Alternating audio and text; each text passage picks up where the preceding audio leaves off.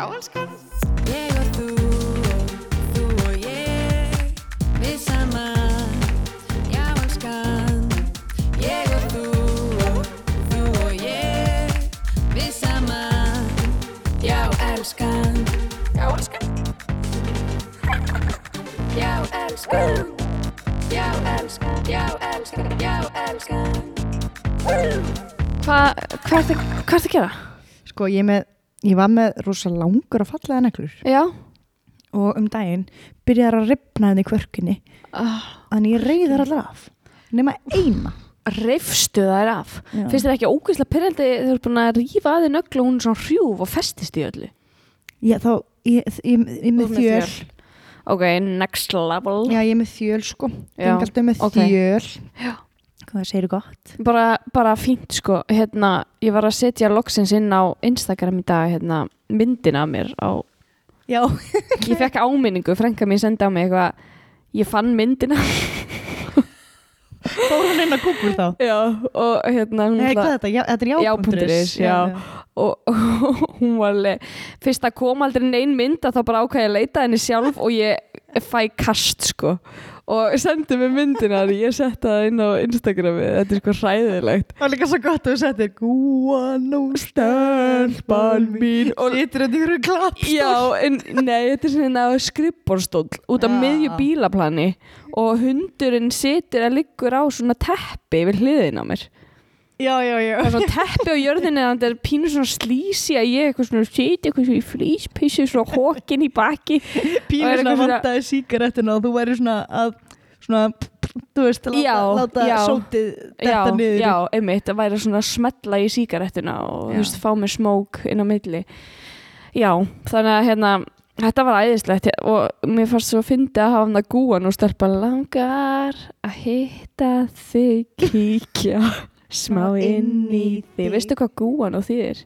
Mm, Nei, ekki Það- hugmynd. það þýðir hérna svona bara úldin fiskur. Eða svona fiskur sem hefur verið að þurrka. Það er alveg ógeðslega líkt að því.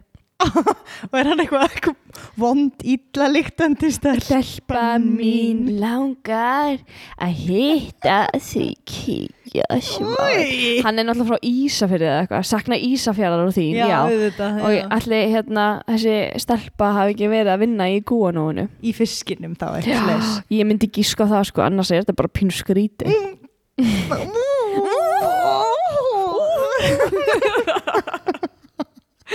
Ó nei!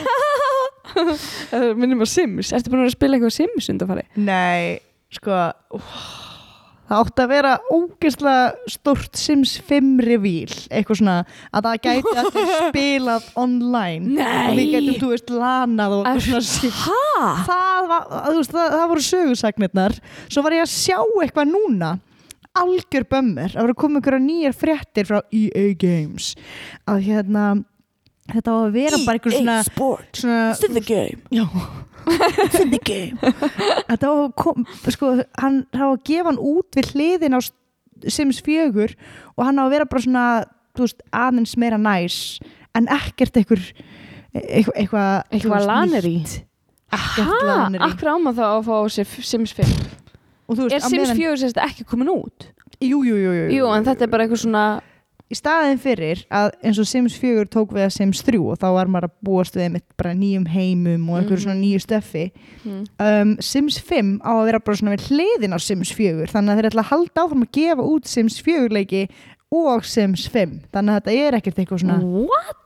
já, Sims sko ég veit ekki alveg hvað 4.1 eða? EA Games er að gera mér finnst það eitthvað svona uh, sko, allan að Sims, þú veist Ég veit ekki hver situr fundina hjá þeim nei, En það er allan ekki ég og þú nei, allan ekki ég og þú sko ég, Mhm. ef við fengjum stól, stóla við þetta borð þá, Mhm. um, þá væri þetta orðið we are Mhm.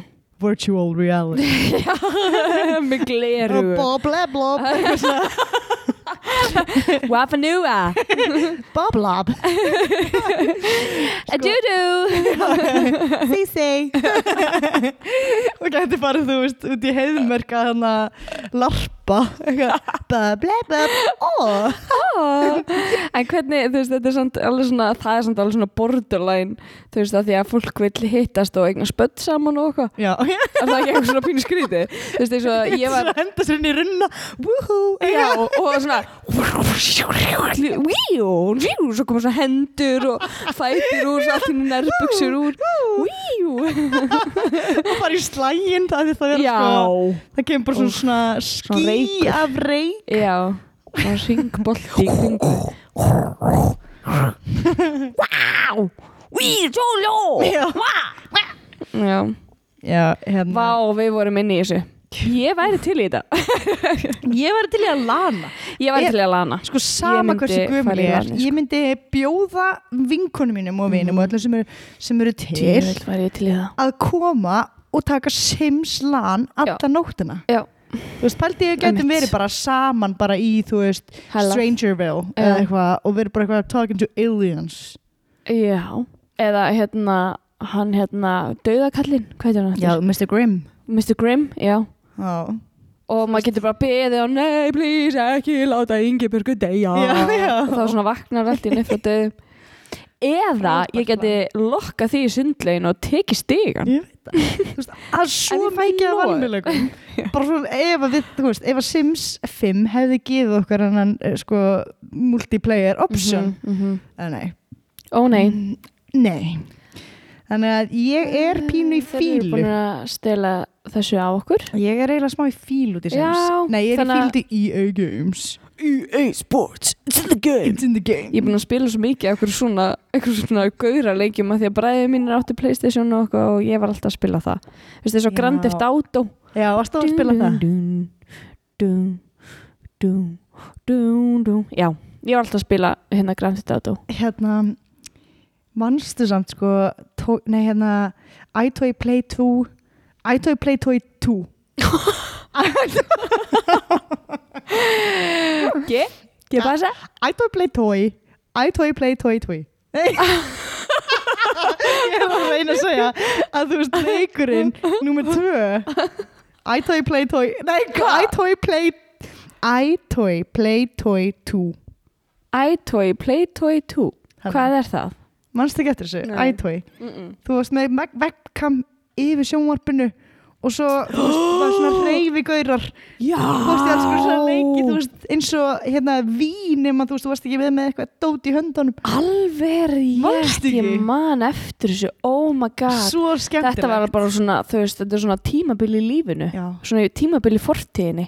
Svona þetta var og hérna svona eitthvað kinetics Þú veist, svona, svona hérna íþróttadót. Já það, það var þetta vítæmi sko Nei, það var Nei. líka Playstation.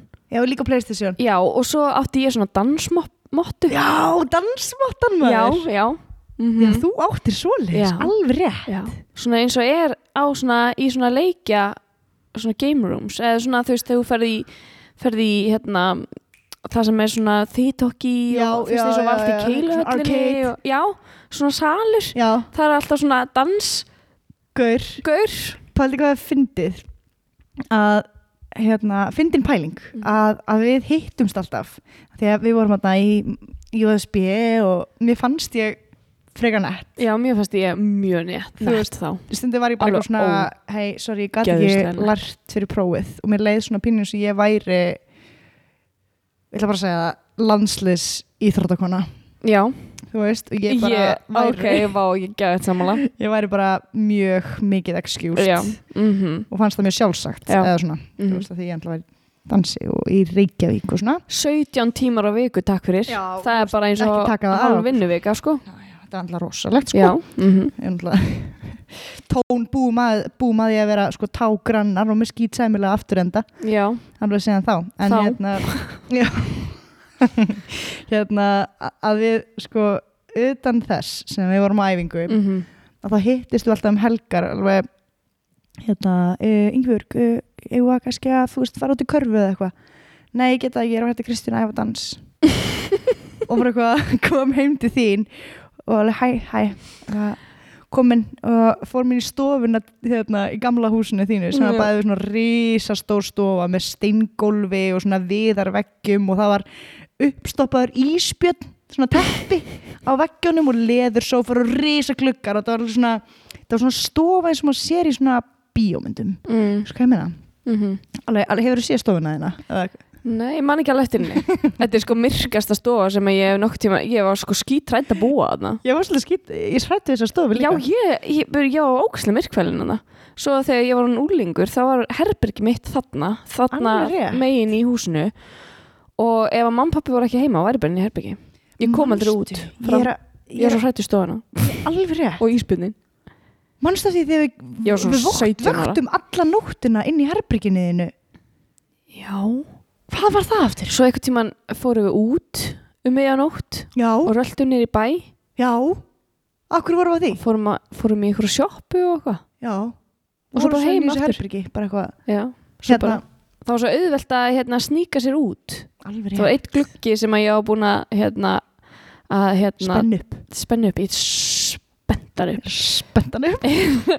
Og hérna ég var búin að taka skrúfuna úr hérna uh, fæinu, hvað segir maður? Já, hérna því, því sem hélt klukkan Já, saman. þú veist, já, auðvitað klukka saman dæminu. Já, járninu Járninu hérna, ég var búin að taka skrúfuna úr því en að glugginn gæti bara opnast alla leið skilur bara út, bara upp í loft skilur þannig að ég gæti alltaf sniglast út. En ég gerði það eiginlega aldrei nema bara því að þú varst með mér. Já, bad ég, influence. Yeah, bad influence. Það bad girl. Og hérna, Mm. ég Ég gerði þetta líka með teima. Ég var með svona skrúið sko alltaf upp á skápnum. Og þetta var svona mjög mjór gluggi og ílangur. Og svo Mhm. tók ég alltaf skrúið við stelpum og kom heim kannski klukkan, klukkan 12 eða eitthvað. Mm -hmm. svo bara við erum búin að sofa. Og svo settum við kotta undir sengundar Mhm. byggðum við til eitt. Svo alveg tókum við hælana þegar pinnahælar byrjum á því að skrúa upp gluggan mjóa mjóa gluggan sem var svona geðað langur þannig að hann opnaðist það var ekkert langt í herbergið af mömmin og pappa þetta var heyrðu þau aldrei Já, hátegnum um, Nei. Við vorum rosalega hljóðlega já. Svo þú veist, það var einn sem fór út fyrst og Mhm. held honum opnum Mhm. og svo fengu hælaskornir að fara þú veist, einn og einn skilur og svo svo, áfengið næst, altså áfengið kling kling, eitthvað. En hérna síðan grasið og síðan er töflunar síðan kokaina og marijuana og það svo komu sugar daddies. Já, og, og sótt okkur já. Um, já, þannig að hérna það, það var góðu tímar, en með þessa stofu Mhm. já, stofan. að þegar við komum sér stundum sko, vorum að um helgar eitthvað brjálega að gera því við vorum að æfa dans. Já, að þá vorum við alltaf inn í stofinni og maður alltaf einn, tveir einn, tveir, þrýr, fjór, fimm sex, sjö, átta, einn og tveir þrýr, fjór, sex, sjö og átt og þetta var alveg svona við tókum þessu rosa alvarlega alvar, al, alvara. Að, alv, alveglega já. Bara fyndið. Það var, þetta var fyndin tími. Já, þetta var mjög, voru mjög skemmtilega tímar. Já, varst mjög gaman að vera þessum aldri. Já, ég er þú saman veist að vera svona úlingur, carefree, vorum alltaf úti að leika eða þú veist úti og all, eitthvað svona. Og líka bara allt sem maður var að gera var svo mikilvægt. Já, það var svo mikið center of the universe ég eitthvað. veit að maður er bara einhvern veginn alltaf aðaleikur en allir hinn í lífinu eru aukaleikarar. Já, Nei, alveg mér leið samt ofta Nei, ég var oft bara eitthvað svona Hvernig ætla að sé að vera mamma mín. En þú veist, bara mamma Hvernig þú veist, hún og hennar líf já, Hvernig horfir hún á heiminn? Og mig einmitt. Og börnin sín og eitthvað Þetta er svolítið crazy. Hugsaði þú svona líka? já, Já. Ég hugsa líka svona sko. Það var bara, ég mann svo þetta, ég tók þetta í skóla hristi ég fæ ennþá svo oft svona uh, Nú, okkur Það er já, svona, uh, það var svo vandræðalegt að því að mér fannst ég vera the shit. Mér fannst þú vera þetta shit. Jú, sko. Í skólaristi nema það að þú veist það er eitt að vera veist, the shit, það er annað að vera svona pínu svona rudely the shit. Og ég, þú veist það var eitthvað svona rúta að fara í bæin á skólarhristi Já. Og ég þurfti að skjóðast heim til að ná ykkur aðra stöpbuksur þannig að Já. þú veist, eftir skóla voru allir hérna, bara þú veist, upp í skóla býða til rútunni og ég hafði ykkur 20 mínútur eða eitthvað. Mhm, og ég átti að vera mætt, þú veist, kortri fyrr. Mhm. En ég var ekkert mætt fyrir bara svona 5 mínútum fyrr og áður en ég labbaði út heima að þá leiti ég í speil og ég sagði Ingeborg líka með sál, líka með sál, líka með sál Nei, Jú. nei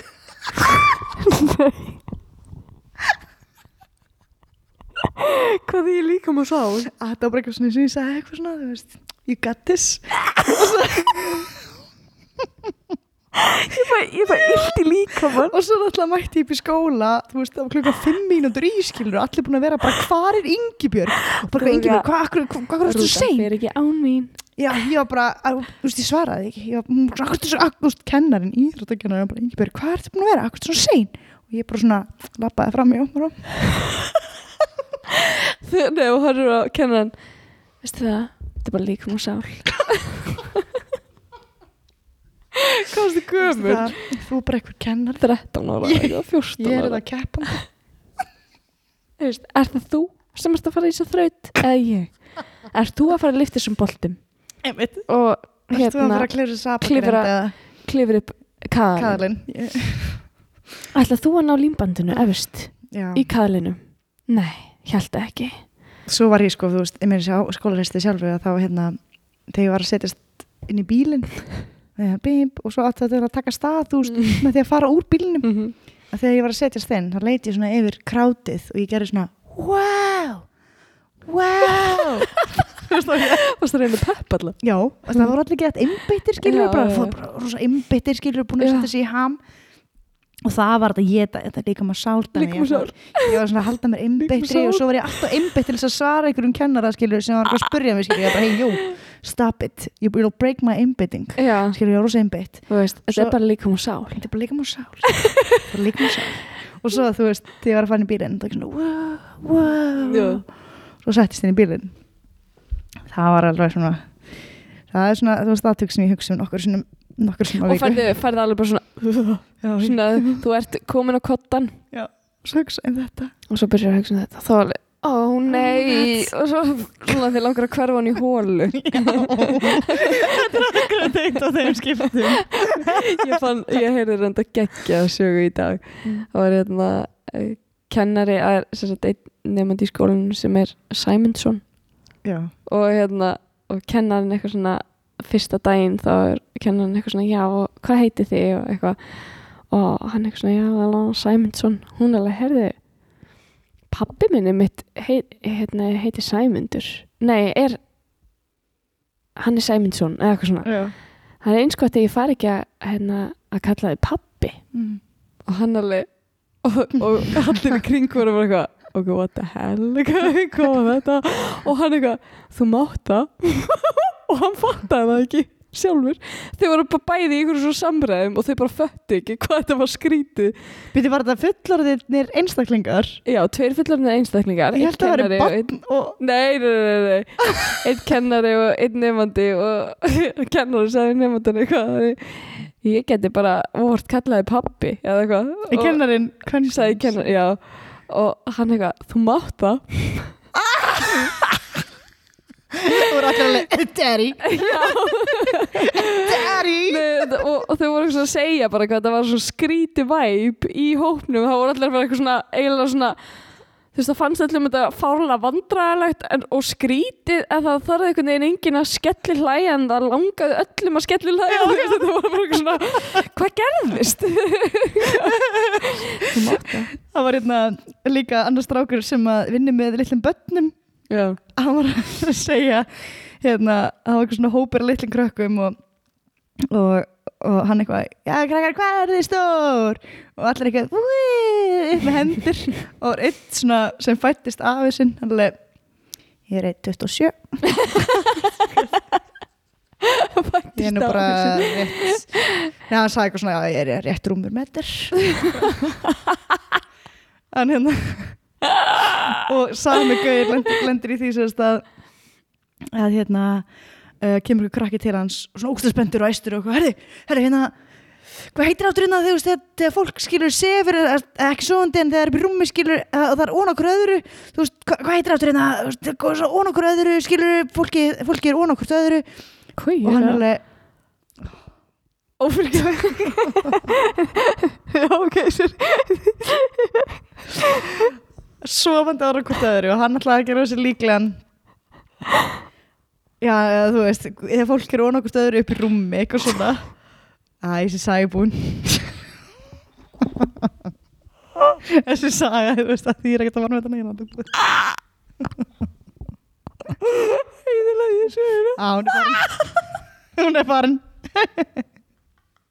Þetta er bara Þetta er bara verður verður að vita svarið.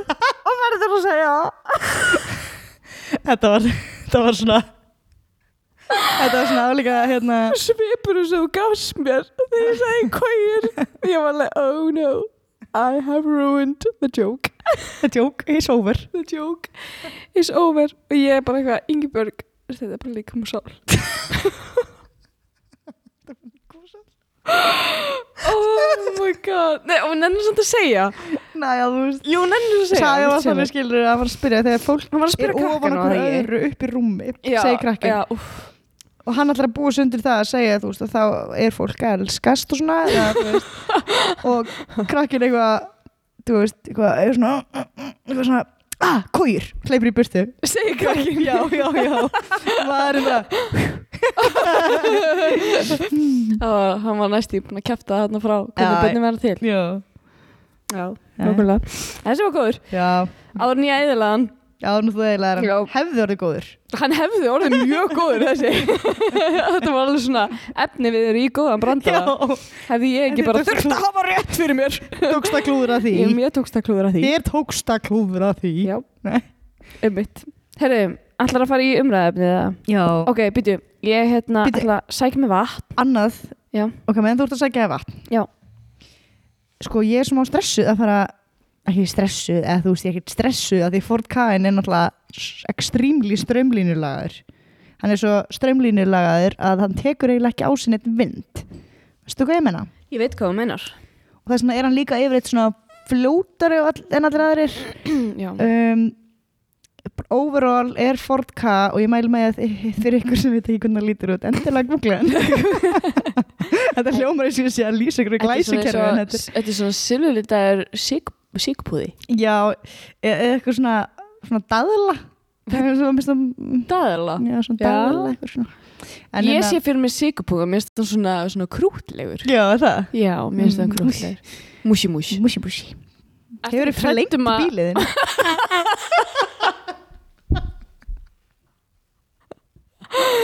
Nei, ég hef aldrei lendið því. Ég flengi hann stundum Já, svona ó, Stóðstu vel, já, þú veist Núna. svona, svo svona duglegur strákur já, uh, já. Eftir að þú varst búin að brjóta speilin Mm. og bakka ástæður á staur að þá ákvæmst að flengja hann já já Klappa honum svona aðeins Þetta er vel músi. Já, ég sé alltaf, þú veist, það trublaði mig geðið mikið, ég er rosa upptekinn af bílum og bílnúmerum mm. Og ég sé svona, þú veist, finnst mjög erfitt að eiga bíla sem eru með ljótt bílnúmer. Já, ég vil mjög ljótt bílnúmer Ég get ekki muna það S, seta, nei, SFK SFK. 41 Já, Þetta eru Það er allt ljótir ótrúlega- stafir og þetta er allt ljóta tölur ok, róleg. Það er bara ljótt bílnúmer Nei, ég segi það ekki, en þú veist, mér finnst erfitt að búa eitthvað til úr SFK. Já, ég veit það Þetta er svo SPK Já, En ég meina að þú veist. Eins og ég átti einu svona bíl sem með númerið DVF og það var eins og DVF, skilur við. Já, ég var mjög upptekinn af því, mér finnst það mjög næs og, og þægilegt sko. Já, en hérna þú veist eins og þegar ég horfa á bíla og stundum þú veist sé andlit í bílum. Þú veist ljósin eru augun og, emmi og númeraplatan er eða svona front, munnurinn sem sagt og fronturinn er fyrir ofan stuðaran er hérna, það sem grilli er nefið, nefið og svona. En svo trublaði mig rosalega oft þegar ég er að keira og, og horfi aftan á bíla sem er með stóran krók. Eða sem stór, stóran lók.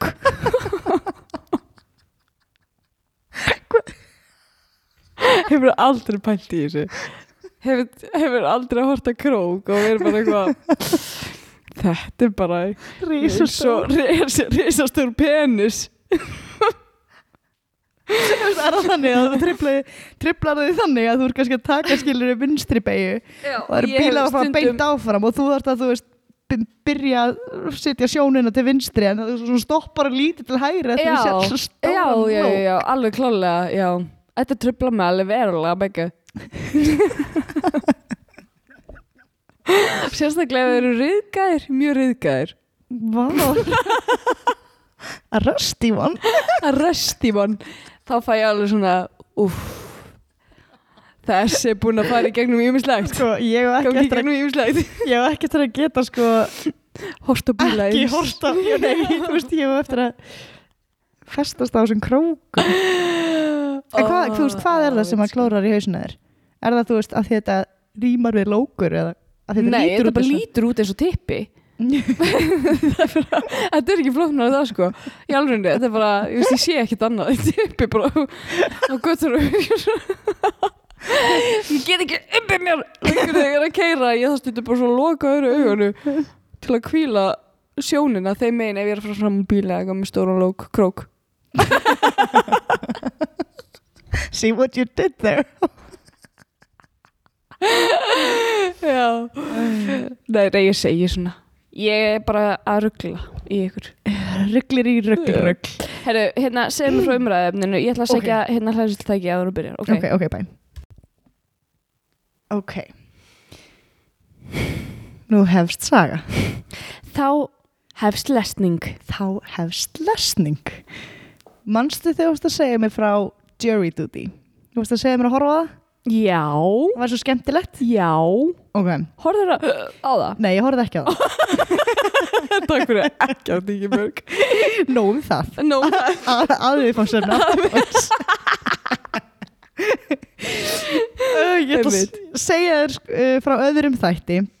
Þar sem aðal hlutverkið veit ekki hann er í þætti. Eins og í jury duty. Ó.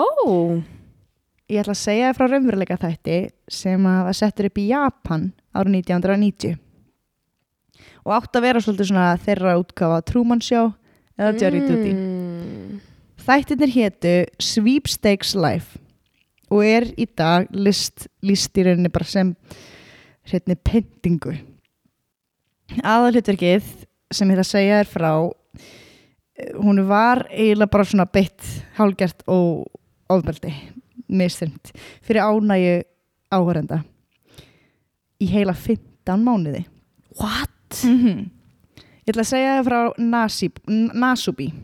Ungur grínista uppleið sem var viðfangsefni illkvittrar tilraunar til að skemmta áhærendum Og byrju, Vasip. Nasibe, Nasibe. Nei Nasubi. Nasubi. Nei Lilja. Perla. Er, er, er hún hann, Nas, hann, hann? Nasubi. Er hann aðal Er hann viðfangsefni þáttarins? Já. Ok, The main dude ok Ok, það var einn uh, snjóríkan dag getur maður sagt það? Já. Uh, í janúar sagt þegar alveg þurft og Já, sól og sól og eitthvað. svona og eitthvað Mhm. mm í janúar af 1991 Í Japan? Já. mm. um, ég veit ekki hvort ég var alltaf að skrifa sólríkan líklegast en ég var no. Na, no. Does it snow in Japan? Uh, já. Ok, ok. Það var sérst annarkvort snjór eða sól. Það skiptir ekki höfumáli Nei, ok, það er ekki aðal það er ekki Það er ekki, það er ekki aðal sögum personan okay. ok, árið 91 og það eru 15, 15 menn í kringum 20 ára sem mættu í lítið stúdíó í Tókjó um, á meðal þeirra var Tomoaki Hamatsu sem að kallaði sig sviðisnafninu Nasubi sem þýtti Eggaldin mm. Hann var nýtt andlit í bransanum og hafði nýlega flutt til Tókjó eftir að hann kláraði mentaskóla. Nasubi, hann var hávaksnar en aðrir og, og hann var með svona fyndna andlistrætti, var svona goofy. Um, það voru svo spara strákar, 15 strákar. Uh, hann var sem sagt svolítið svona frábriðin hinnum en það átti ekki eftir að koma til með að skipta neinu máli. Af því að þessi leikpröfa hafði ekkert með hæfileika eða útlit að gera. Þegar leikstjóran gekkinn, þá vissi strákarnir ekkert hvað þeir voru að fara út í uh, eða af- hverju voru mættir í þessa pröfu. Leikstjóran tilkynnti þeim að það eina sem þeir þyrtu til þess að fá hlutverkið væri heppni. strákarnir horfa á hvernig annan með svona forvitnums svip og allt sem þeim hefði verið sagt á þessum tímapunkti var að þetta væri pröfur fyrir eitthvað starf tengt showbusiness. Á meðan leikstjórin útskýri fyrir þeim að það eina sem þið þurftu verið hefni að þá rúlar vagn inn. Á vagninum er box og með rauðu spurningamerki. Strákunum var sagt að, að taka umslag úr boxinu hver og eitt tók umslag standa svo í ring og opna umslagið á sama tíma umslagin voru öll tóm nema umslagið hjá Nasubi í hans umslagi var hvítblað með svörtum punkti á Umslegin voru ekki mert þeim. Nei. Mm. bara random Hefni. Eða óhefni. mm. þegar Nasubi leiti í kringu sig þá áttaði hann, á því að, áttaði hann sig á því að hann var sá eini sem var með eitthvað í umslæðinu og hann var svo uppi með sér hann kastaði hendum í loft og rópaði Wú, ég er sigurvegarinn Nasubi býst núna við því að leikstjórun útskýri fyrir hann um hvað þetta er eiginlega sem hann er að fara að gera hvað það var sem hann vann. En hann gerir það ekki. Í staðin þá tekur leikstjórin utan um á honum og fylgir honum út. Og hann segir að það er tími til að hefja leikin strax, spyr Nasubi.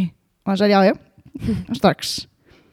Hann veit ekkert hvað hann er að fara út í en hann, hann er spenntur. Og meðan það verið að fylgja honum út í bíl þá snýr Nasubi sér að leikstjórnum og segir wow, ég er svo heppin bara eins og ég sé búin að nýta lífstíðar kóta af heppni. En hann segir það bara í ganni. En það sem hann vissi ekki á þessum tímpúndi er að, að það var í rauninni nákvæmlega það sem þetta var.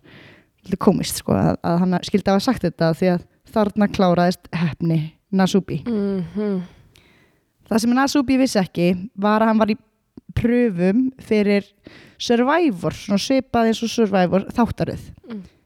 uh, hlutin sem hann uh, átti að taka þátt í hluti af þessari þáttaröð var partur af Susunu Denpa Sjönen þáttaröð sem síndi unga karlmenn sem að reyna að meika það í skemmtanaheiminum Og hún sagt það?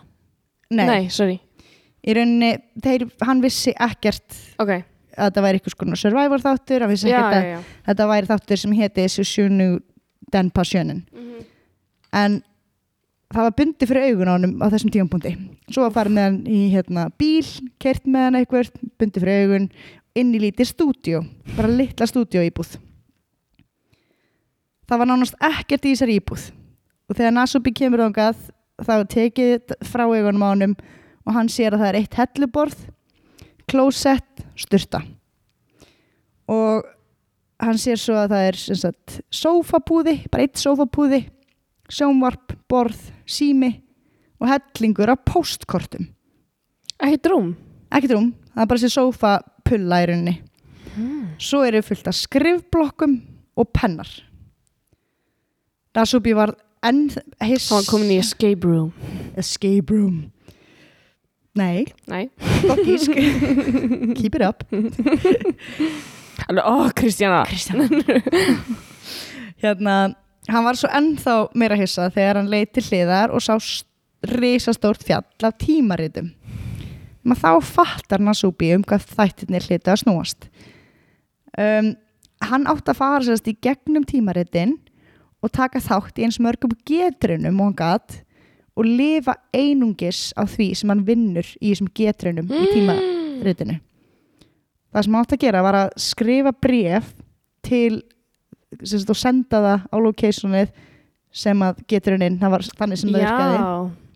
Svona eins og, hérna, víkufrétta getur henni jóla. já, alveg svo hró Alveg næstu því. alveg bara svo les um, það var sérst allir matur sem að hann átt að borða var þann að vinna Oh my god. uh, og hann átt að sapna einri miljón yen sem er um 10.000 bandarækjadala 1,4 miljónir íslenska krónur. Og þegar hann var búinn að vinna leikin semst sapna hlutum að verðmætti einra miljón yen að þá mátt hann fara. Nasubi, hann var næst beðin um að fara úr öllum fötunum þar með talið nærbuksum og fólki sem hafi fyllt honum þangað tók öll fötin og honum að um, það myndi líklegast sagt, engin horfa á þetta og kannski verður til ykkur þáttaröðum þetta. Þannig að veist, hann Átt hann bara að vera berskjaldað? já, algjörlega berskjaldar Jésús minn, það, sagt, það var búið en að setja hræðilegt. Já, hrikalegt Ok, Já, það var búið að setja fullt af földum myndavélum út um alla stúdíu íbúðina ok. Og þegar hurðin er lokað þá ösk, heyrist nas, í Nasubí hann öskrar það hlýtur okkur brandari, það getur ekki verið hvað er að Þú veist, það getur ekki verið, það getur ekki verið þessi alveg látum mig gera þetta. Þarna var hann þá með engan mat engan klósettpappír og engan mat skrifaði aftur. Bara til að ítreka það þá var hann ekki með mat nei, en hann hafiði líkum og sál. Hann hafði líkum á sál hann hófst á handar við að gera það sem hann átt að gera. Senda post á geturinnar og svona geturinnir í blöðum í Japan voru mjög algengar. Mm. og það var svona, þú veist tiltæki, orðatiltæki sem fólk var sæði gjarnan þú gætir lifað á þessum geturinnum þú veist það var brandari sem gekk um að þetta var svo mikið. Okay. mikið um þetta.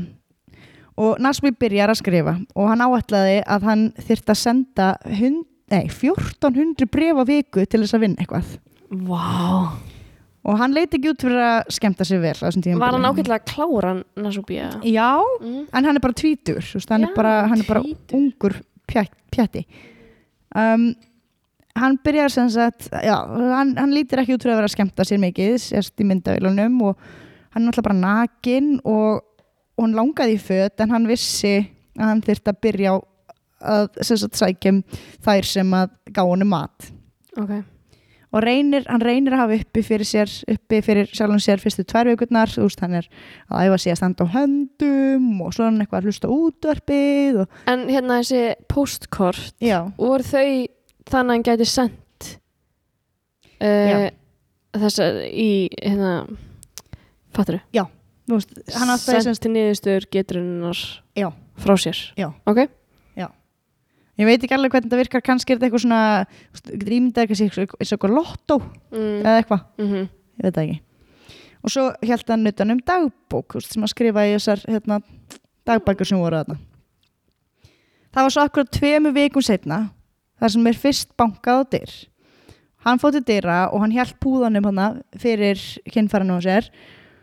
Og sá sem bankaði upp á hjá honum rétt honum lítinn kassa og tilkynnt honum að hann hafði innið hlaup. Eitthvað hlaup til að borða. Tveimur vikum eftir að hann byrja búinn að- var hann ekki búin að borða neitt í tvær vikur? borða neitt í tvær vikur. Það En- var, það en- var vaskur þarna, hann fengið drukkið. sér vatn ok. Já. og Nasubi hann, hann er svo innlegur karakter. Hann hoppar hæð sína og var þvílíkt ánæður þú veist, bara yes! Pakkin, hann var að verðmæti e- 1460 yen sem þýðir hann sló bara pínu litla fjárhæð af heildar fjárhæðinni, 1 miljón Ok. um, svo var hérna leið tíminn og það var ekki alltaf jákvætt að bankaða dyrnar hjá honum eh, nokkrum dögum setna eftir hann að fengið þetta hlaup og já, þá var hérna bankað upp á dyrnar uh, og þar stóð sendill með ramen og gufusóði grammiti og hann var ekkert smá spenntur bara, oh yes. Maðurinn byður um uh, 170 yen og hann segir hvað hva meinar ég, ég, ég er ekki minnið pening. Og þá segir sendillin já, herrið fyrir ekki, ég farið með þetta matinn á villan stað. Og tekur matinn með sér. Ertu ekki að grínast? mm, nokkur dögum eftir hann að lifa bara á okkur hlaupi. Eftir þetta heyrist í myndavélunum að Nasubi hann er eitthvað svona að tala við sjálfan sig við mataborðið og hann gefur frá sér hátt andvarp. Ekki sáttu með þetta svo er það í februar 22. februar að, að Nasubi hann vinnur matarsendingu nummer 2 sem voru 5 kíló af hrísgrónum frábært, hugsa hann og er alltaf jafn spenntur, alltaf þvílíkt ánæður þegar hann fær eitthvað mat hann sést að sést í myndavélunum þegar hann fær símtalið að hann hafi unnið hérna, þessi hrísgrjón að þá kastar hann upp höndunum aftur og þá sjást sko rifbinin á honum, hann er hann svo, svo grannur. Þannig að þú veist, þeir sem að þeim sem grunaði að þátturinn í rauninni væri þannig að hann færi afsýðis eða þegar myndavélunar væri ekki sínd, eða, þegar þátturinn var síndur í sjónvarpinu að þá var þetta bara bútar sem síndur í rauninni ekki það að, að leikstjórin væri í raunin að gefa honum mat skilur Já, þannig að þeim sem hafði gruna það í rauninni fóru að efast mm. að það var alveg þetta grannur hrísgrunin þau koma en Nasby hann getur ekki eldaði hann er ekki myndin áhöld, enga pottar enga, enga pönnur. Og hann reynir að borða þau rá en það, það gengur ekki. Þannig að hann reynir að setja hrísgrunin inn í það sem hafi verið utan um hlaupin þessi slaupið og lætur það liggja í heitu vatni yfir nóttu og það virkaði ekki en hann var með litla hellu. Þannig að hann setur hrísgrunin í hlaupumbúðunar og við hliðin á hellunni þú veist, því að umbúðuna greinilega þólduði ekki að vera ofan á Mhm. í þrjá klukkutíma og það virkar. Hann var þvílíkt ánægð með sig og gerði eitthvað svona hríðskrunagraut út úr því og notaði blíjanda til þess að borða, þú veist, eins og prjóna. Og var þvílíkt stoltur af sér. Þetta var lífið sem hann liði á nokkra vikna fresti það var bankað upp á og hún var fært eitthvað sem var semi-étanlegt. Og hann þurfti svo að finna út úr því hvernig hann gatt eldað eða, eða borða það. Eftir fyrsta mánuðin þá átti hann ennþá eftir að sapna 9.000 nei, 985.140 jenum. Það er ekkert fæði að sjást á þessu. Það sást alltaf högg á vatni eftir allan tíma. Það sést að hann er, hann er niður lútin og hann situr við borðið og er að skrifa fleiri póstkort. Uh, þarna á hann bara einn póka eftir af hrísgrjónum og uh, hann veit ekki já, þú veist, eins og ég sagði hann, hann, veit ennþá ekkert hvort að það sé einhver að fylgjast með hann hann veit ekkert hvort þetta sé eitthvað sem eigi eftir að skila einhverju eða eh, hvort það einhver sé að horfa á hann yfir höfuð Mhm. bara hvað er hann komin í. Um, hann er líklegast að hugsa að það nennir enginn að horfa hann skrifa ykkur postkort í nýju klukkutíma dag þetta er örglega ekki nægilega merkilegt til þess að fólk nenni að horfa á þetta. Það sem að Nasby viss, vissi ekki hins vegar var að útsendingin frá stúdíu íbúðinans var sínd í allri Japan. Hann var í sem þáttum Susumu Den- Denpasjönen sem að síndi líka aðra stráka sem gerði svipaða hluti sem var partur af Survivor hérna, þú veist, seríun í rauninni. Voru sérst fleiri inn í já, öðrum herbyrgjum já. Þessi Susumu Denpasjönen var í rauninni með nokkra undir svona segments. Mm hann var í svona einu segmenti sem að kallaðist Sweepstakes Life og Sweepstakes er nafnið á svona getrunum.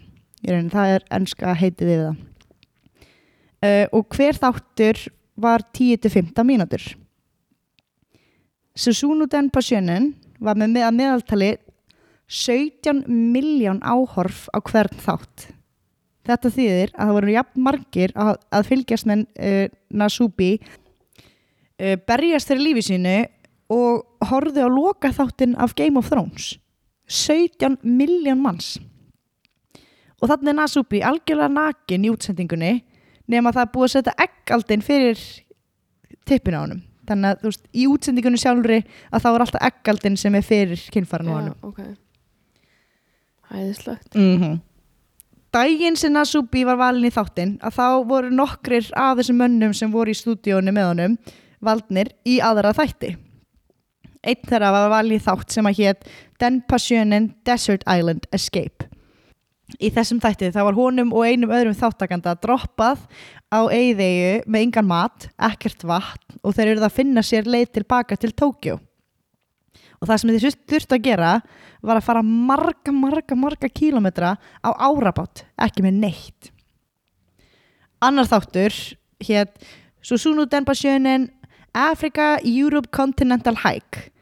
Og þar var tveimur þáttakendum droppað einhvers þær í Suður Afriku og þeir ættu að koma sér til Noregs með engan pening.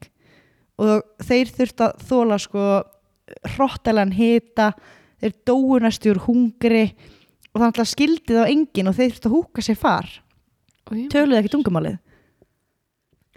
Og var fólk bara að horfa þetta? Já, þetta var bara frábær skemmtun. Jésús minn. Fyrir að síða eftir ykkur svona kenningar veist, hvað þú veist, það segir um samfélagið þetta er pínu galið. Já, en eftir að fóra að líða á tíman að þá fór fólk að taka eftir því að Nasubi hann leit mjög illa út. Veist, februarleið, marsleið og Nasubi var ennþá sagt bara búin að hann var þarna bara búin að vinna verðmæti 60.000 yen af miljón hann er einu sem komin upp í 100.000 Hvað var liðin langu tími þannig? tveir, þrý mánuðir. Þrýr mánuðir. Mm á þessum hraða þá var þetta að fara að taka hann 40 mánuði að klára áskoruna en leikstjórar og framleiðendur hafa örgulega bara verið að fíla það, elska það Mhm. því að áhorfið var styrlað Mhm. þráttur þetta að þá virtist Nasobi alltaf vera í ágætu skapi þú veist, hann hrópaði og kallaði í hvers skipti sem hann vann eitthvað þú veist, hann var alltaf svo ánægður þegar hann fekk eitthvað um, þannig fólk einhvern veginn kunni rosa vel við hann Æ. yfir næstu mánuði að þá fekk Nasobi loksins fleiri sigra og þetta leit ágætlega út. Og en, þú veist, margir vinningarnir voru algjörlega gagnlausir eins og hann til dæmis fekk gagnslausir. Sem hann fekk til dæmis plakkat af frægri leikonu svo fekk hann sjónvarp en það ekki, hann gæti ekki tengt sjónvarpið í íbúðinni. En í hvers Var þá bara íbúðin að fyllast að drasli sem hann þurfti ekki einu sinni, eða skæti ekki nota já. Já. En það var einmitt um þetta leiti sem að hrísgrjóðin er að klárast þannig að þetta er eitthvað svona svipa leiti og, og hann hafði ekki fengið neitt mat síðan í februar um, mars búinn og það eina sem hann á er hundamatur. Þannig að á hverjum degi þá var um 17 miljón manns að horfa á Nasubi borða hundamat og byggja til Guðs um mat. Guð minn góður. Já, hræðilegt sko en það var samt líka um þetta leiti sem hinir þáttakandunir í þáttunum fóru að lenda í hræðilegu matökum einn af þessum tveimur mönnum sem voru að ferðast til Norex að hann hrinu niður og deyr næstu því úr ofþurki og hungri í Sahara eðimörkinni og framleiðindirnir þeir sögðu að það hefði bara verið af því að hann var að nota það litla vatn sem hann átti til þess að vökva plöntur. En þáttakandir, þáttakandirnir hafa komið fram senna mér og sagt að það hafi bara ekki verið satt í öðrum þætti að þá er þáttakandi þvingar til þess að fara inn á svona, svona gay skemmtistað og bjóða fólki smokka. Demeaning dæmi. Mm. og atvikið enda semst þannig að hann er lúbarinn og þú heyrir bara í öskrin í honum að það er verið að berja minn. þetta ítti samt ekki áhörundum yfir strikið. Fólk dróst, dróst að þessu og fólk elskaði Nasubi og það leiði ekki að löngu það er til að fjölmiðlar og áhörundur fundi út hvar hann var til húsa. Og þarna hefði maður haldið, þú veist, fyrst að fólk er búið að fatta hvar hann er, að fólk væri kannski að fara að koma mat til hans En á hann ekki fjölskyldu og eitthvað svoleiðis? Sko, ég fer að síða eftir hvernig, þú veist, pælingin í kringum þetta er. Ok, um, en í staðin fyrir að fólk var að koma með eitthvað dót til hans Mhm. að þá er allir bara eitthvað svona að horfinu gluggan og býða eftir að hann gerði eitthvað skemmtilegt býða eftir að hann fengi vinning og bara svona fylgjast með honum voru gluggar sér sett á íbúðinni Já. og fólk gætt hort inn og hann gætt hort út já en það var veist, upp í ykkur blokk skilur hann að fólk Já. gæti ekki, veist, hann gæti ekki séð mm -hmm. liðið Mm um, en fólki í rauninni áhörundur vissi ekkert almennilega hversu alvarlegt ástandið var. Mhm. og það var af því að framleiðendurnir voru með eh, few tricks up their sleeves. Eh, þeir letu þetta líta betur út en það var í raun og veru. Mhm. þeir til dæmis sendu eitt skipti lækni til Nasubís og læknirinn tók fram í þátt, þáttunum að hann væri ekki að þjásta vannaringu sem hann auðvitað að var og það væri allt eðlilegt við hann.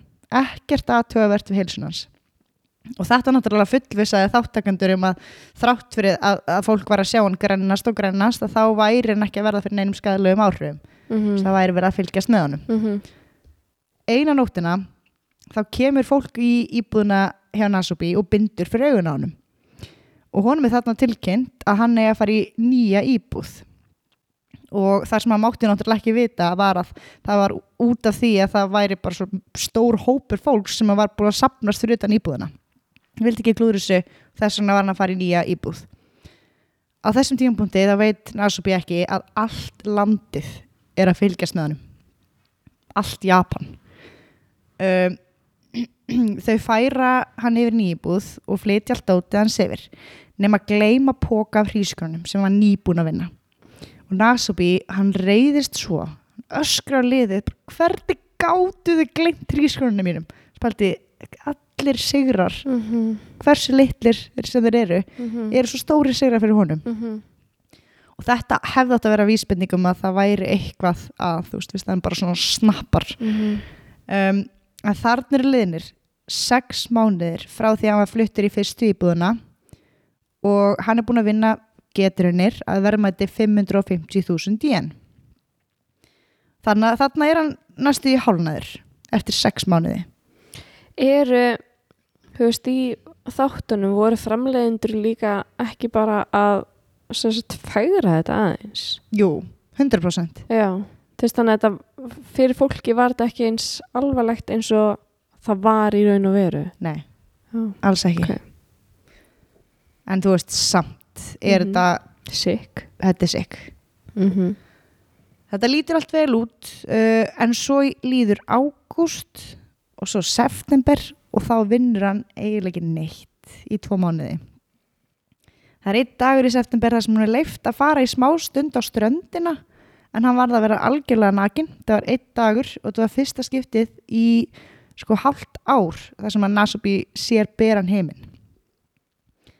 Þarna ákveður hins vegar framleiðandinn að taka þættin á næsta level hann vill að uh, þátturinn sé livestreamed allan sólarringin og þetta var mjög nýtt konsept. Livestream var glænýtt á þessum Mhm. tíma.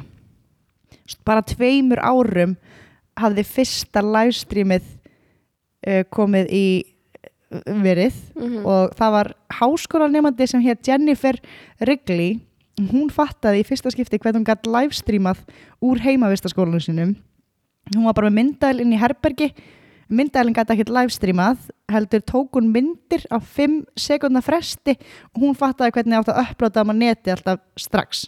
Mm. þannig að það var bara, hún var með sko 7 miljónir áhorfa á dag. Vá. Fólki fannst það magnað, bara Já. ég get fylst með henni real time. Já, þannig að þarna var livestream bara veist, magnað. Mhm. uh, og Nasubis hérna, livestreamið það náði sömu hæðum.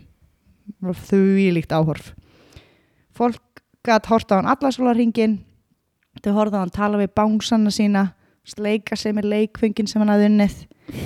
En sá, fólk sá líka hann, hann var að vera ennþá grenri og grenri en að, það var líka semst fólk að vinna allan sólarringin við það að setja þetta ábúrtsín hann að eggaltinnið fyrir að það.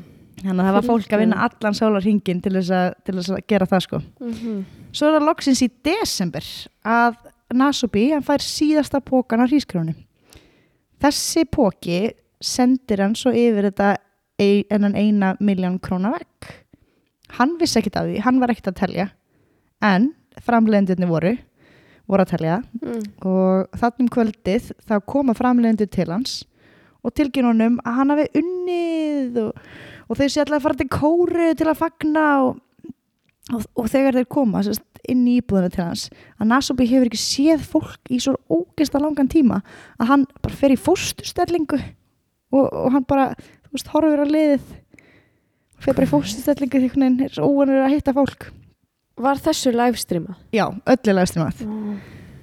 Þar sem hann í, já, í, í kóru, það er farið með hann til kóru þar má hann gera allt sem hann vill og hann fyrir tífóli og hann borða ramen og hann var aðalega spenntur fyrir matnum pröfa alls konar mat. En hann var rosalega breyttur. Það var með rosalega mikið hár skeggið hann var lengra og hann talaði miklu hægar. Og hann var alltaf að segja frá því sko að hann klæjaði svo mikið undan fötunum og hann var alltaf heitt. Gæti ekki verið í fötum. Að vera Vá, nakin í, já, í heilt ár. Uh, hann er já, hann, er, hann minnir ekki á svona eins og lítið batt sem er að skoða fyrst, heiminn í fyrsta skiptið heldur meira svona eins og hundum sem er bjarga á götunni. Vídjóin, skilur þeir eru svo, svo hrættir og litlir í sér. Hann hefur sér satt aldrei unni föt eða neitt svona, þetta var yfirleitt bara eitthvað Nei. matarkynns já, og, svo líka þegar hann kannski ef hann vann föt og þá var það langt á liðið að hann, þú veist, ekkert við það að gera í rauninni, hann var bara svona tamin í rauninni að búið að temja hann til þess að í rauninni vera ekkert klættur en hann er samt spenntu fyrir þessu nýja lífi og, en, en þú veist, fyrir tímar og, og þessi reynsla er náttúrulega ásækir hann. En hann er samt spenntur, heldur alltaf í sína sína, sína einlægu sál. En áður en að Nasubi fær að fara heim að þá segja framleiðendur við hann að, hérna, að þeir séu með eitt enn óvænt fyrir hann. Og þeir fylgja hann minni íbúð þegar þangað er komið það áttar Nasubi sig á því að þetta er alveg eins íbúð og hann hafi heilt eitt heilu ári í. Þá eru framleiðendur sem sagt uh, þegar hann kemur inn inn í síbúð að þá hérna sér hann strax bara ok, ég er greinlega ekki búinn. Um, framleiðendur segja við hann beða hann um afklast og beða hann um að rétta sér öll fötin og að núna þurfi hann sérst að vinna fyrir fluginu aftur til Japan í getrinu Sangat Nasubi að þá fraus hann alveg á þessum tímabundi það, hann segir að það verið eins og sko, lífið, lífinu hafi verið bara svona lífið hafi verið sogað úr honum. Og hann segir nei, hann segir bara ekki sjans, ég vil ekki fara aftur í þetta. En framleiðendurnir tóku það ekki mál. Þessi, þessi þáttur var svo vinsæll hann var að hala eins og miklum peningum. Líka hann fyrir þáttinn var það ekki? Var Jú. hann ekki svo verðmættur? jú, jú, jú. Christ og að lokum þá sé Nasobi að það þýðir ekkit fyrir hann að segja nei þannig að hann lappar aftur inn í herbergið. Oh my god, elsku. Og það eina sem hann alltaf þekkir er bara að byrja að skrifa bref og það er það sem hann gerir. Þegar hann er búinn svo loksins að sapna fyrir farinni heim þá er hann tilkynnt að hann þurfa, þurfa að vinna meira eða þanga til að hann geti uppgreitað sætið í flugvélini þegar hann er búinn að því að þá segja hann um að hann þurfi að vinna fyrsta flokksmiða þannig að það var endalaust verið að gefa honum falskar vonir Hann vinnur svo loksins þennan fyrsta flokksmiða og hann er sendur tilbaka til Tókjó. En þar tekur það sama við. Aftur er hann sendur í stúdíóíbúð sem lítir Hvað var hann lengi hérna í þessari íbúð? Hann var í heildina í 15 mánuði hann var búin að vera í heilt ári í fyrstu íbúðinni mm. þannig einhverja þrjá mánuði okay. sérst, örgulega svona tvo mánuði í kóri og einn mánuð til viðbútar nei, sorry, sorry, sorry sorry, sorry, sorry, sorry, sorry. hann var í 12 mánuði í fyrstu íbúðinni mm. þrjá mánuði í setni íbúðinni okay. svo er hann núna komin til, til, til Japan mm -hmm. aftur og það er þriðið íbúðin og hann, hann berst inn ekki einu sinna móti. Þú veist, hann bara, bara lappar inn. Veit hann hvað hann er vinsæl? Nei, hann hefur ekki hugmynd. Oh. Þú veist, Þetta er bara eins og okkur fangabúður. Já, þetta er bara hrikalegt Mm Og það er Bara bara að- einangurinn, sko það er bara búið að þjálfa hann eins og hund gefa hann þessar Kóngulær. fölsku vonir aftur og aftur, hann Já. getur ekki sagt nei þannig að hann lappa bara inn klæður svo úr fötunum og sest niður þegar Nasubi er að koma sér fyrir við eldursporðið og byrja að skrifa bref að þá detta niður fjórir vekkirnir á stúdíubúðinni hinni með við vekkina taka svo á mótunum fullt hús af áhörundum live áhörundum sem fagnónu why? Tveir þáttastjórnendur hlaupa til hans og öskra til hamingju, til hamingju og runnið og þarna setur Nasubi algjörlega í sjokki. Hann er alltaf nakin nema hann hafði tekið kottan og farið kynfærin sín. En hann er skítrættur, hann veit ekkert hvað er að gerast. Þáttastjórnendur segja honum að, að það sé búið að vera livestream úr íbúðinni 24 klukkustundir á dag. En ekki nóg með það að dagbókin sem hann hafði haldið að hún var efst á topps metsölulista. Guð minn góður. Mm -hmm. Nasubi, hann er bara gæt móttaka neitt af þessu. Svipurinn á honum frá því að veggirnir hrundu þannig til að þú stóttastjórnundinni voru að reyna að ná okkur í samskiptum talið af honum. Mhm. A- hann hafði ekkert breyst. Hann var bara hissa skítrættur. Og þegar mikrofóni er tróðið í andlita á að þá er það fyrsta sem hann segir af hverju eru þau að hlæja? Allir áhörendurnir hlóu og skemmtu sér og fögnuðu hann sagði bara af hverju eru þau að hlæja? Hann er algjör sjokki. Hann hafði ekki sko, já allt sem hann hafði upplifað síðustu 15 mánuði var lígi og heilnánum bara næri ekki að réttist þér að hvað er að gerast. Mhm. en þarna var þátturinn raunverulega búinn og Nasubi mátti bara fara heim.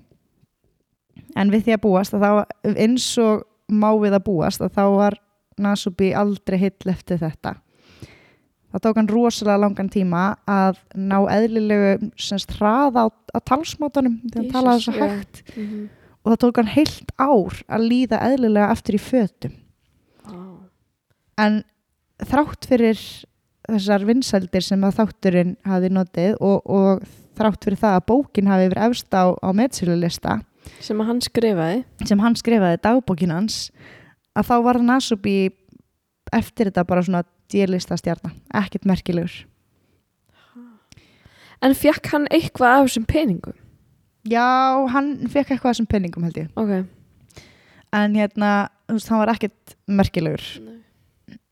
Skríti já mjög svo. Bara, en samt er þetta svo mikið ofta tíð með raunveruleika stjörnir veist, allar þessar hérna, uh, Real Housewives of Orange County sem Mhm. mm fylgist með þeim Mhm. og svo bara eru það nobodies Mhm. maður heyrir ekkert frá þeim, ekki neitt Mhm. japanski fræðimenn, þeir hafa komið upp með kenningar uh, af hverju þessar þessi þættir náðu svona miklum hæðum í Japan og, og þeir tala fræðimennir, fræðikonunar fræðifólkið, tala um það að, að þetta sérst endur spekli svolítið menninguna í Japan á þessum tíma. Sérstaklega svo staðreind að hurðin hjá Nasubi var aldrei læst. Hann hefði alltaf á hverjum tímapunkti á, já, á hvaða tímapunkti sem er hann getað lappað út. Í alvöru? Já.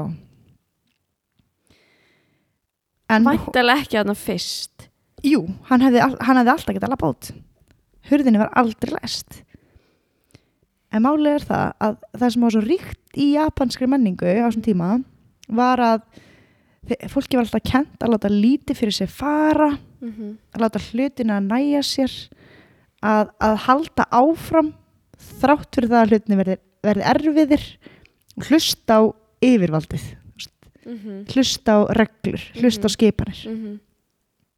Þannig að hann kvartar aldrei yfir ástandinu sem hann er í ekki fyrir en hann er bara komin til kóriðu þannig að þegar hann segir í fyrsta skipti nei, ég vill ekki fara aftur inn í herbyrgi það Já. er eina skiptið sem hann kvartar eða segir ég vill komast til hann eða neitt Mhm. hann er bara svona þetta er eitthvað mission sem hann er í þetta er eitthvað þáttur sem hann er í hérna Mhm. hann þarf bara að komast yfir þetta Mhm. hann á ekki að mótmála, hann á að vera duglegur Mhm. Bara klára máli já og við vitum í dag líka sko að að hérna, einmitt, þó svo að þá hafi þetta verið, þú veist, álitið sem já, duglegur maður, vákvæm duglegur Mhm. þá var þetta náttúrulega bara kúun já. Þetta er bara svona manipulation af verstu gerð. Mhm. ekkert annað. Algjört Það er manipulation og það er magna hvað manipulation getur gert við fólk. Mhm. um, úst, hann líka sko þegar hann komið til kóru að þegar hann átti að fara í þetta herbergi þá var hann í öðru landi ekki með neitt mat, ekki með neitt föt ekki með neitt pening. Hvað hefði hann getað gert? Mhm. hann vissi að díman á endanum þyrfti hann að fara inn í þetta herbergi. Mhm. en hann, já eða ykkur, hann var bara þú veist, brotin maður. Algjörlega niður brotin uh, það þannig er bara búið að hann. Já, þannig að hann bara hlustaði á allar skipanir. Jesus Christ þetta er svakalegt Já, styrstla dæmi. en hvað hérna þú veist og er þetta bara í læg eða skilur bara meðal áhorfenda var enginn sem var bara eitthvað heyrði hvað er fjölskyldan hans og hvað er allir Nákvæmlega. er allur heimurinn er að bræðast honum 17 miljónum manna Já, sem að horfa, var það ekki? á, á hvern einasta þátt. Þetta var bara, hérna, fjölskyldan hefur kannski verið bara, já, Nasubi, fræg stjarnar. Já, Eitthvað, þetta er gott fyrir hann af því hann er frægur Já. hann sé Já, Fastur. hann vildi alltaf meika það í þessum bransa. Þannig að hérna, þannig er hann komin í hérna þátt sem er ógeðslega vinsæll. Já. og kannski heldur þau að hann hefði tekið þátt í þessu já, vi, vitandi hvað hann var að út í Já. Einmitt. kannski var Elmar í kassanum bara Almar. Nick Almar þvingaður í kassan Þarna Helgi sem var hann í kassan. Já, ummitt. Nei, djók. Jesus maður. en já, Þetta, er bara eitt svakalegasta sem ég hef heyrt. já, þetta er styrla dæmi mér langar líka svo mikið að vita söguna hjá þessari gælu að þessi livestreamaði uh, úr háskóla hérna, Mhm. tekum hana kannski eitt mann Já. hvað var hún að pæla? Akkur vildi hún Einmitt. allir, veist, hún var bara eitthvað svona stundum var hún að læra, stundum var hún að elda og eitthvað, bara með non-stop livestream, Já, 7 var það ekki bara til að verða fræg? Eða Jú, eignast eitthvað pening eða eitthvað svona for the fun? Já, Bara fyrir gamanið. örgulega Ég myndi halda það. Það var eitthvað svona, þú veist, bara að stytta sér stundir. mm einmitt, veist, ef þetta var 92 paldið, þá hefur þetta verið sko árið 89 sem hún var að uppgöta þetta. Mm, Megar það sens, já. Já, eða Ég held 90. að internet hefur komið 95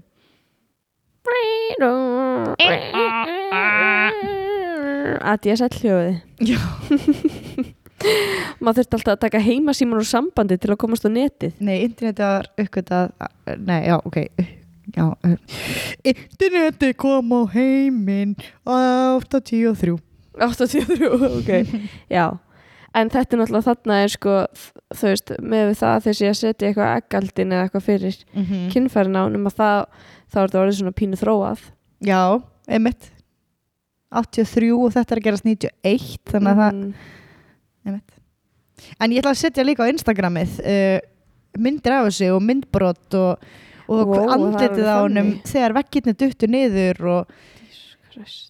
Ég mæli með því að allir googla þetta Google, Google, Google, it, Eða Google bara kíkja á Instagramið okkar. Já, eða bara kegja Instagram mm Mhm. -hmm. Við mælum endir, við endilega stýra allir í trafík þangað Allri Instagram, Instagram taf, taf, Weho, let me hear you say weho, weho búm búm, Ég er bara að segja weho. Ég held líka að við gætum kannski hent þessum púðum hérna sem í þvott eða eitthvað. Að því að alltaf því að tala lengi, má það eða? Já, já. Púðum á, ég tala um sem Nei, púðin á mæknum sem mæknum, já í. sko, einhvern tíman í COVID, þá voru að taka við til okkur svona einhvern tíman sprittaði hann alveg í drasl og það, það varð allt út um allt. Alveg rétt, já þetta má örugglega ekkert í þvott. En stundu því að tala lengi í hann þá líðum við sér að anda reiki Já, og ég fæ svona kittl í hálsin en það Já, er bara því að ég er búin að tala rosa mikið Svona gilli gilli eitthvað ég hef aldrei upplifað það. Nei, þessi fæ ég alltaf verri mækin Þú ert alltaf með ríkmæki. Kannski fæ ég alltaf reikmækin Já. En þú settir þetta upp núna í þetta skiptið, en þú getur bara sjálfur um kent. Já, rétt Já, word Weho, weho Hörru, Já, takk fyrir að hlusta. Takk fyrir að hlusta. Og við sjáumst í næstu viku. Bye Ég og þú þú og ég Við saman, já elskan Ég og þú þú og ég Við saman, já elskan Já elskan Já elskan Já elskan, já elskan, já elskan